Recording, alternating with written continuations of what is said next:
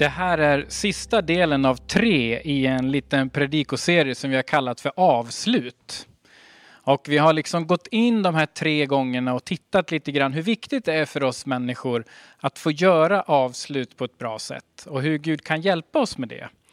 Och eh, vi har från början berättat om hur det ibland kan vara att man inte kan få det där riktiga avslutet och hur Gud kan hjälpa en att lyfta av. Man kanske får någon medmänniska som kan lyssna på en och hjälpa. Och så har vi gått igenom lite grann förra veckan hur, hur man kan också längta efter avslut av vissa saker i ens liv. Och, och, hur Gud faktiskt, vi är helt övertygade om det och ser det hos medmänniskor, kan få avsluta saker som inte är nyttiga eller bra. Men nu är det den tredje delen och då har jag satt en underrubrik, avslut del tre eller tillbaka från döden. Och eh, vi kommer också varva in därför att en, när det blir en sån här stor händelse så börjar en del fundera. Kommer hela det här som vi känner till att liksom avslutas? Och då finns det och det är faktiskt det näst största ämnet i Nya Testamentet. Att berätta om att det kommer en dag när det här livet som vi ser får ett avslut. Jesus kommer tillbaks och det blir någonting helt annat. Och då har vi varvat in i de här predikningarna några korta tidstecken som vi kallar det för. Eh, vi är väldigt försiktiga med att spekulera, det vill vi inte göra, men vi vill ändå tala om att det närmar sig någon slags avslut. Och det kommer jag också ta ett sånt i den här predikan. Men nu vill jag börja med när Jesus möter sin vän. Och jag läser ifrån Johannes i elfte kapitlet. En man som hette Lazarus var sjuk. Han var från Betania, den by där Maria och hennes syster Marta bodde. Det var Maria som smorde Herren med väldoftande olja och torkade hans fötter med sitt hår. Och nu var hennes bror Lazarus sjuk. Systrarna skickade då bud till Jesus och lät säga, Herre, den du har kär ligger sjuk. När Jesus hörde det sa han, den sjukdomen slutar inte med döden. Den är till Guds ära, för att Guds son ska bli förhärligad genom den. Jesus älskade Marta och hennes syster och Lazarus. När Jesus nu hörde att Lazarus var sjuk stannade han ändå två dagar där han var. Därefter sa han till sina lärjungar, låt oss gå tillbaks till Judeen. Lärjungarna sa till honom, Rabbi, nyss försökte judarna stena dig och nu går du dit igen. Jesus svarade, har inte dagen tolv timmar? Den som vandrar om dagen snavar inte, för han ser denna världens ljus. Men den som vandrar om natten, han snavar eftersom ljuset inte finns i honom. Efter att han sagt det här så tillade han, vår vän Lazarus sover, men jag går för att väcka honom. Då sa lärjungarna till honom, Herre, sover han så blir han ju frisk. Jesus hade talat om hans död, men de trodde att han talade om vanlig sömn. Då sa Jesus helt öppet till dem, Lazarus är död och för er skull, för att ni ska tro, är jag glad att jag inte var där. Men låt oss nu gå till honom. Thomas, som kallades tvillingen, sa då till de andra lärjungarna, låt oss gå vi också och dö tillsammans med honom. När Jesus kom fram fann han Lazarus, att Lazarus redan hade legat fyra dagar i graven. Betania låg nära Jerusalem, ungefär tre kilometer därifrån. Många judar hade kommit ut till Marta och Maria för att trösta dem i sorgen efter deras bror. När Marta fick höra att Jesus hade kommit gick hon ut och mötte honom, men Maria stannade kvar hemma. Marta sa till Jesus, Herre, om du hade varit här skulle min bror inte ha dött. Men också nu vet jag att Gud kommer att ge dig vad du än ber om honom, honom om. Jesus sa, din bror ska uppstå. Marta svarade, jag vet att han ska uppstå vid uppståndelsen på den yttersta dagen. Jesus sa, jag är uppståndelsen och livet. Den som tror på mig ska leva om han än dör. Och den som lever och tror på mig ska aldrig någonsin dö. Tror du det här? Ja, hon svarade, ja herre, jag tror att du är Messias, Guds son, han som skulle komma till världen. Vid det här tillfället så var Jesus fullt upptagen med sin tjänst. Det som han hade fått i uppdrag av pappa Gud att göra på jorden. Han hade varit i Jerusalem flera gånger och strax innan just den här händelsen så hade den religiösa makteliten, inte böneliten, utan makteliten eh, fått upp ögonen för honom på ett alldeles särskilt sätt och till och med plockat upp stenar för att döda honom.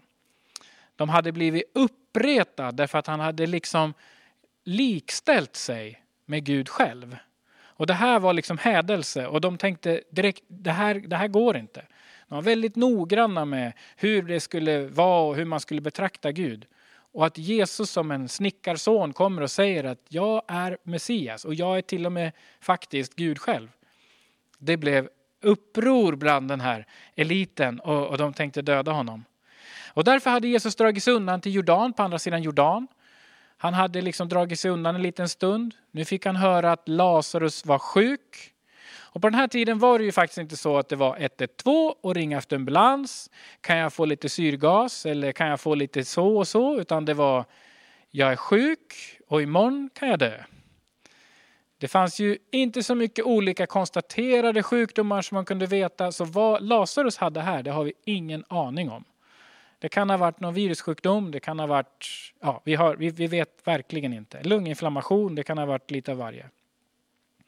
Men Jesus, han stannar kvar. Därför att det här är som ett crescendo i Jesu gärning för att verkligen visa att han är en person som kan göra någonting, som är sänd av Gud, som är Messias och som är Guds son och den som människorna väntade på. Och då fanns det en, en folktro på den här tiden. Att när någon har dött, då, då är själen kvar i tre dagar. Och därför kan vi se att när Jesus kommer tillbaks till Lazarus, för han börjar ändå gå tillbaks dit, då har det gått fyra dagar. Då finns det liksom inget hopp kvar bland de anhöriga. Det finns inget hopp kvar för oss idag, i den här tiden, så finns det ju inget hopp kvar överhuvudtaget när någon konstaterar, när doktorn kommer med pappret att den här är avliden så accepterar vi det. Men på den här tiden fanns det liksom någon slags förhoppning om att det skulle kunna vända efter tre dagar. Men det hade gått fyra dagar. Och Jesus väntade som det ser ut. Och det kan verka lite ohövligt och lite okänsligt att vänta så. Det här var ju människor han tyckte om. Men han ville också få visa att han, hade, han var herre över liv och död. Så Jesus dröjde kvar, men så började han gå tillbaks till den här familjen. Och vi ska veta att den här familjen var en familj som hade stöttat Jesus under hela hans tjänstgöring. Troligen hade de stöttat honom ekonomiskt. De hade följt med på flera av hans resor och varit med. Därför att när Jesus gick fram, där hände det saker. Men det blev också motreaktion. Jesus var inte omtyckt av alla. Så att haka på Jesus och visa jag tillhör den här, jag tror på den här personen, jag tror på Jesus. Det betyder att man riskerar någonting, att man, man sticker ut. Man, man ligger inte under isen någonstans, under ytan och väntar och ser vad som händer, utan man, man visar jag vill gå med den här personen. Och det hade den här familjen gjort. Så ännu mer kan man undra, hur kunde Jesus verkligen vänta på det här sättet? Och nu kommer ett litet tidstecken mitt i alltihopa. Alltings avslut. Och då, då vill jag ta med oss, vi, vi, håller kvar den här texten som vi nyss har läst, en berättelse, vi kommer tillbaka dit strax. Men jag vill bara hoppa fram till, till Bibelns sista bok. Och det här läser vi från Uppenbarelseboken kapitel 13. Och då står det så här, jag såg ett annat vilddjur komma upp ur jorden. Den hade två horn som ett lamm, men talade som en drake. Den utövar det första vilddjurets hela makt inför det och får jorden och hela dess invånare att tillbe det första vilddjuret vars dödliga sår hade blivit läkt. Det gör stora tecken och får, får till och med eld att falla ner från himlen, ner på jorden i människornas åsyn. Genom tecknen det fått makt att göra inför vilddjuret förleder det jordens invånare. Det säger till jordens invånare att göra en bild av vilddjuret som har ett sår från ett svärd men lever igen. Och det fick makt att ge livsande åt vilddjurets bild så att vilddjurets bild till och med kunde tala och låta, döden, låta döda dem som inte tillbad vilddjurets bild. Och det tvingar alla, små och stora, rika och fattiga, fria och slavar att ta emot ett märke på högra handen eller pannan. Så att ingen kan köpa eller sälja utom den som har märket. Vilddjurets namn eller dess tal, eh, eller dess namnstal. Här krävs vishet. Jag vill stanna där och, och bara ta, när vi, när vi, är oroliga för vart vi är på väg och, och vad, vad, ska hända efter pandemin, hur kommer samhället att se ut? Och det vill jag bara ta med dig till den sista boken här, Uppenbarelseboken, där det talar om livets slut. Och det är symboliska saker, men det är också en del saker som vi kan förstå och se börjar på gå i uppfyllelse. Varför säger jag så om det här? Jo, och nu vill jag ta några exempel som jag inte har hämtat på konspirationsteorier.org eller Flashback eller något annat ställe. Utan det här har jag hämtat ifrån väldigt trovärdiga källor. Eh, sådana som alla tittar på. Det är både Sveriges Radio och Sveriges Television och, och en del andra källor. I Kina just nu så pågår det en enorm utbyggnad av eh, ansiktsigenkänning. Till i år, 2020, så räknar man med att det ska ha byggts 600 miljoner övervakningskameror. Till de här övervakningskamerorna så, så sätter man mjukvara och så ska liksom man från kontrollrum kunna övervaka nästan hela befolkningen genom att man känner igen ansiktet. Man kan mäta på olika punkter i ansiktet och så är liksom identiteten klar. Och vad ska den kinesiska staten ha det här till? Jo, det är ju för att det ska vara enkelt. Man ska kunna kliva på ett tåg utan att liksom behöva visa någon biljett. Det är redan klart med ansiktsigenkänningen. Man ska kunna komma in, och det ska tydligen fungera redan, komma in på en restaurang och få förslag på en meny utifrån ens utseende. De har tydligen till och med så att unga tjejer får eh, förslag på kalorisnåla rätter därför att de ser det. Eh, så på det här sättet så försöker man hela tiden anpassa eh, olika saker som man då kan köpa eller göra. Men det finns också idéer som inte bara är, liksom, som, som inte är hemliga. Att skapa en social status på varje invånare i Kina. Och då kan man mäta om man har betalt sina räkningar i tid, om man har talat välvilligt och, och snällt om regimen och så kommer man att kunna få en, en, statusvärde som gör att när man går och söker lån så kan det vara lättare eller svårare. Man kan få lättare, bättre eller sämre internetuppkoppling. Och det finns ett antal saker som faktiskt kommer att styras av hur man i, som kines, som, som invånare, agerar. Och, och det här låter som total science fiction. Jag vet att det finns filmserier som liksom har, har liksom gissat åt det här hållet. Men det här går att läsa om att det här är planer. Så hela systemet är på väg att byggas upp. Eh, och det här är någonting som man ser en stor nytta av. Att kunna få koll på hela sin stora befolkning. Men är det här bara i Kina? Är det här bara på en plats på jorden? den här övervakningen? Nej, nu i covid-19-tider så är det många länder som har tagit väldigt tydliga beslut på att gå in och kontrollera. Och det är inte bara sådana länder som vi kan tänka inte är så demokratiska, utan det är Sydkorea, eh, det är eh, Australien, det är eh, Ryssland och till och med Israel som har gått in och gjort ett antal, och fler är på väg.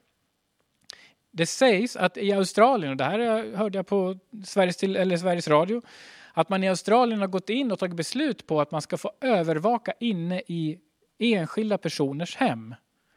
I hälsans namn för att se så att de inte går ut och smittar.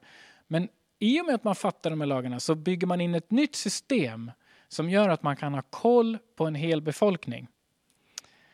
Eh, I, eh, I Sydkorea så får man inte flyga om man inte laddar ner en app som gör att man smittspåras. I Norge så rekommenderar man hela befolkningen att ta ner en app som gör att man kan ha koll på andra personer så att om man är närmare än två meter i mer än 15 minuter så piper det i telefonen. App, app, app, se upp här nu.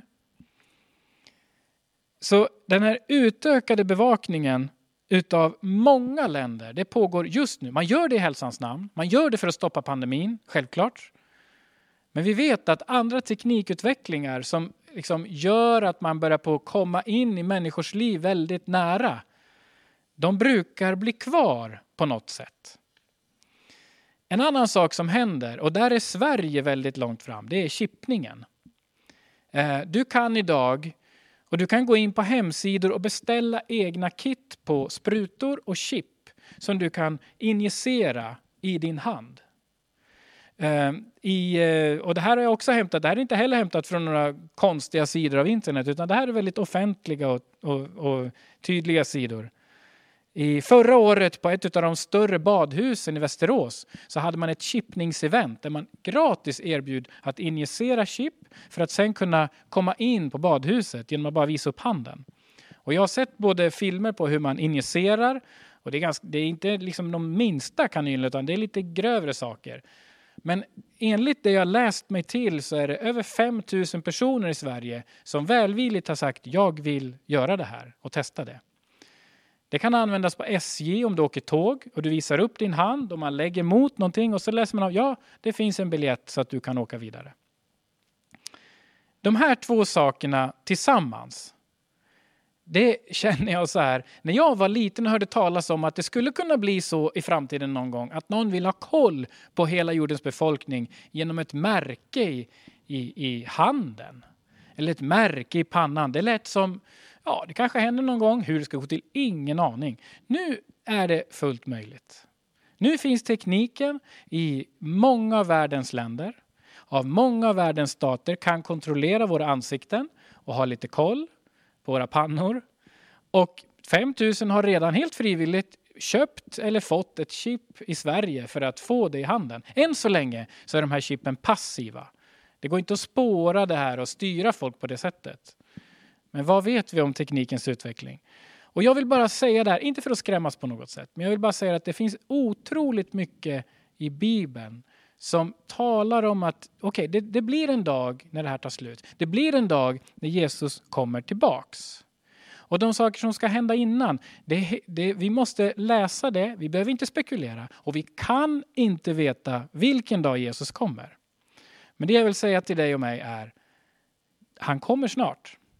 Och det är någonting som är helt fantastiskt. Därför att det är din och min befrielse som tror på Jesus. Så vi kan bara lyfta blicken och känna att wow, det närmar sig. Vi vet inte vilken dag, vi vet inte om det är vår livstid ens. Men vi ser att saker och ting börjar på att stämma lite för väl för att vi ska kunna negligera det här ämnet. Nu tillbaks till Lazarus, för det här handlar om allting slut. Tillbaks till, till det här med hur det gick med döden och Lazarus liv. När Jesus kom tillbaks till familjen. I vers 20 så stod det där att när Marta fick höra att Jesus hade kommit gick hon ut och mötte honom. Men Maria stannade kvar hemma. Och Marta sa till Jesus, Herre, om du hade varit här skulle min bror inte ha dött. I ordet mötte så, så ser man att det finns en upprördhet för det ordet kan också betyda konfrontera eller ifrågasätta. Alltså om Marta och Maria och Lazarus har varit vänner med Jesus länge, stöttat honom, supportat honom på olika sätt. Och så väntar han där borta på andra sidan Jordandalen när hans nära vän blir sjuk. Vad menar du Jesus? Om du hade kommit, då, kanske inte, då hade inte Lazarus behövt dött. Och det här kanske du har känt ibland när det börjar bli riktigt tufft i livet. Gud, var är du? Var är du så att jag inte behöver lida, så att jag inte behöver gå igenom det här? Du kanske känner att, att, liksom, att det bara inte funkar. Du kanske till och med har känt att nej Gud, du finns inte eftersom jag går igenom det här. Det går inte, jag kan inte tro på det här. Jag har det så besvärligt. Och vet du, jag tänker att Bibeln tillåter oss att både ifrågasätta och bli till och med arg på Gud. Låt mig bara ta två jättekorta exempel från Gamla Testamentet. Jeremia säger i, kapitel 20 att han verkligen han förbannar sin egen födelsedag.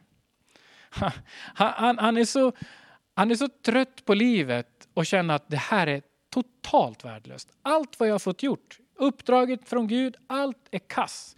Jona, en annan figur i Gamla Testamentet, han fick vara med och rädda en stor stad. Men efter det så blir han så besviken på Gud. Så han, han liksom han, han önskar att han dör där. Han önskar att han dör. Han sågar Guds uppdrag, han sågar det som Gud vill och han bara liksom ifrågasätter totalt. Både Jeremia och Jona hade sådana tillfällen. Att du och jag kan komma in i sådana situationer där vi ifrågasätter var Gud är, om han ens finns. Det är faktiskt naturligt. Men jag önskar att du och jag, när vi hamnar där, kan göra som Marta gjorde. Därför att vet du vad hon sa? Hon la till ett men. Men också nu vet jag, också nu vet jag eh, att, Gud, att Gud kommer att ge dig vad du än ber honom om, sa Marta. Hon var arg, hon var upprörd, hon, hon mötte honom, hon ifrågasatte Jesus. Varför kommer du nu? Men hon lägger till ett litet men.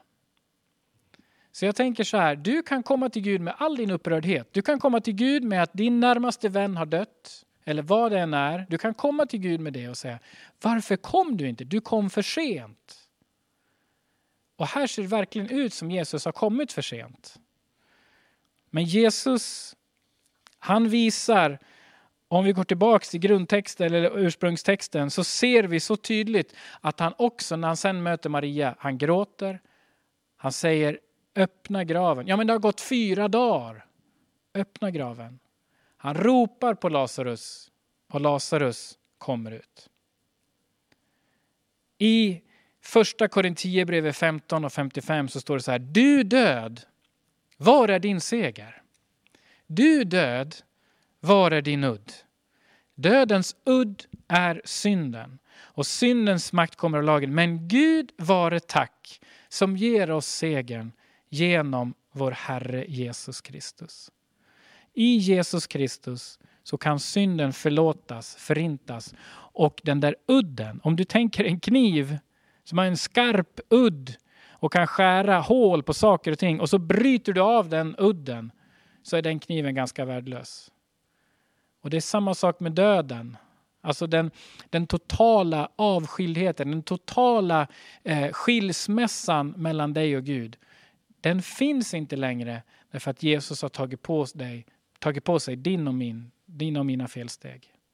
Och I och med det så kan inte döden skilja oss från Guds kärlek som vi hörde tidigare i, i gudstjänsten. Och jag skulle vilja vända mig till dig som bor här i Gävle. Vi är mitt i en pandemi.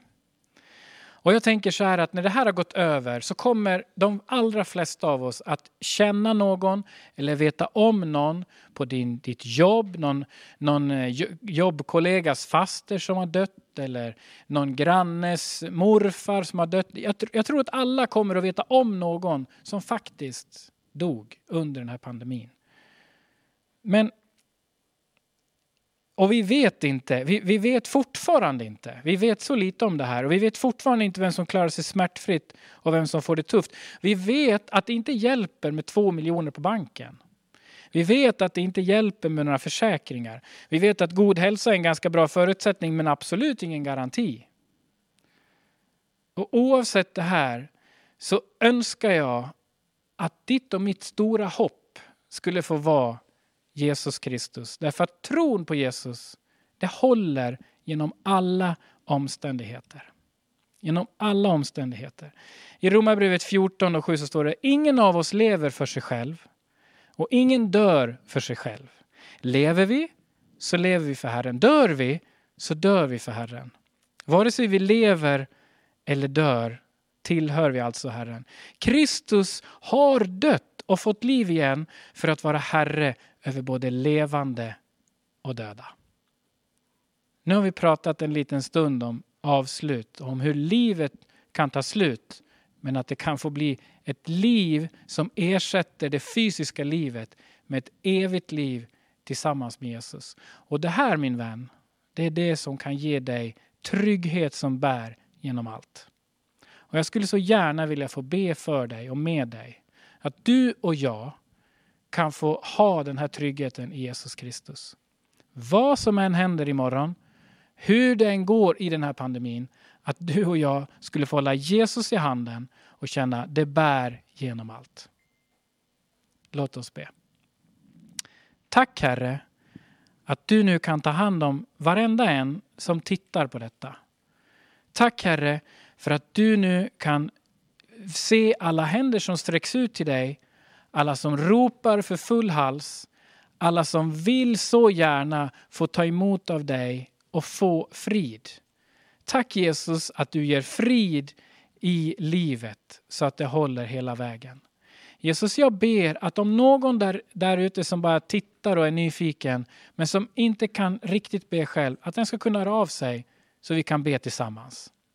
Och jag tackar dig Kristus Jesus att du tagit på dig allt det som hindrar så att döden inte är slutet. I Jesu namn. Amen.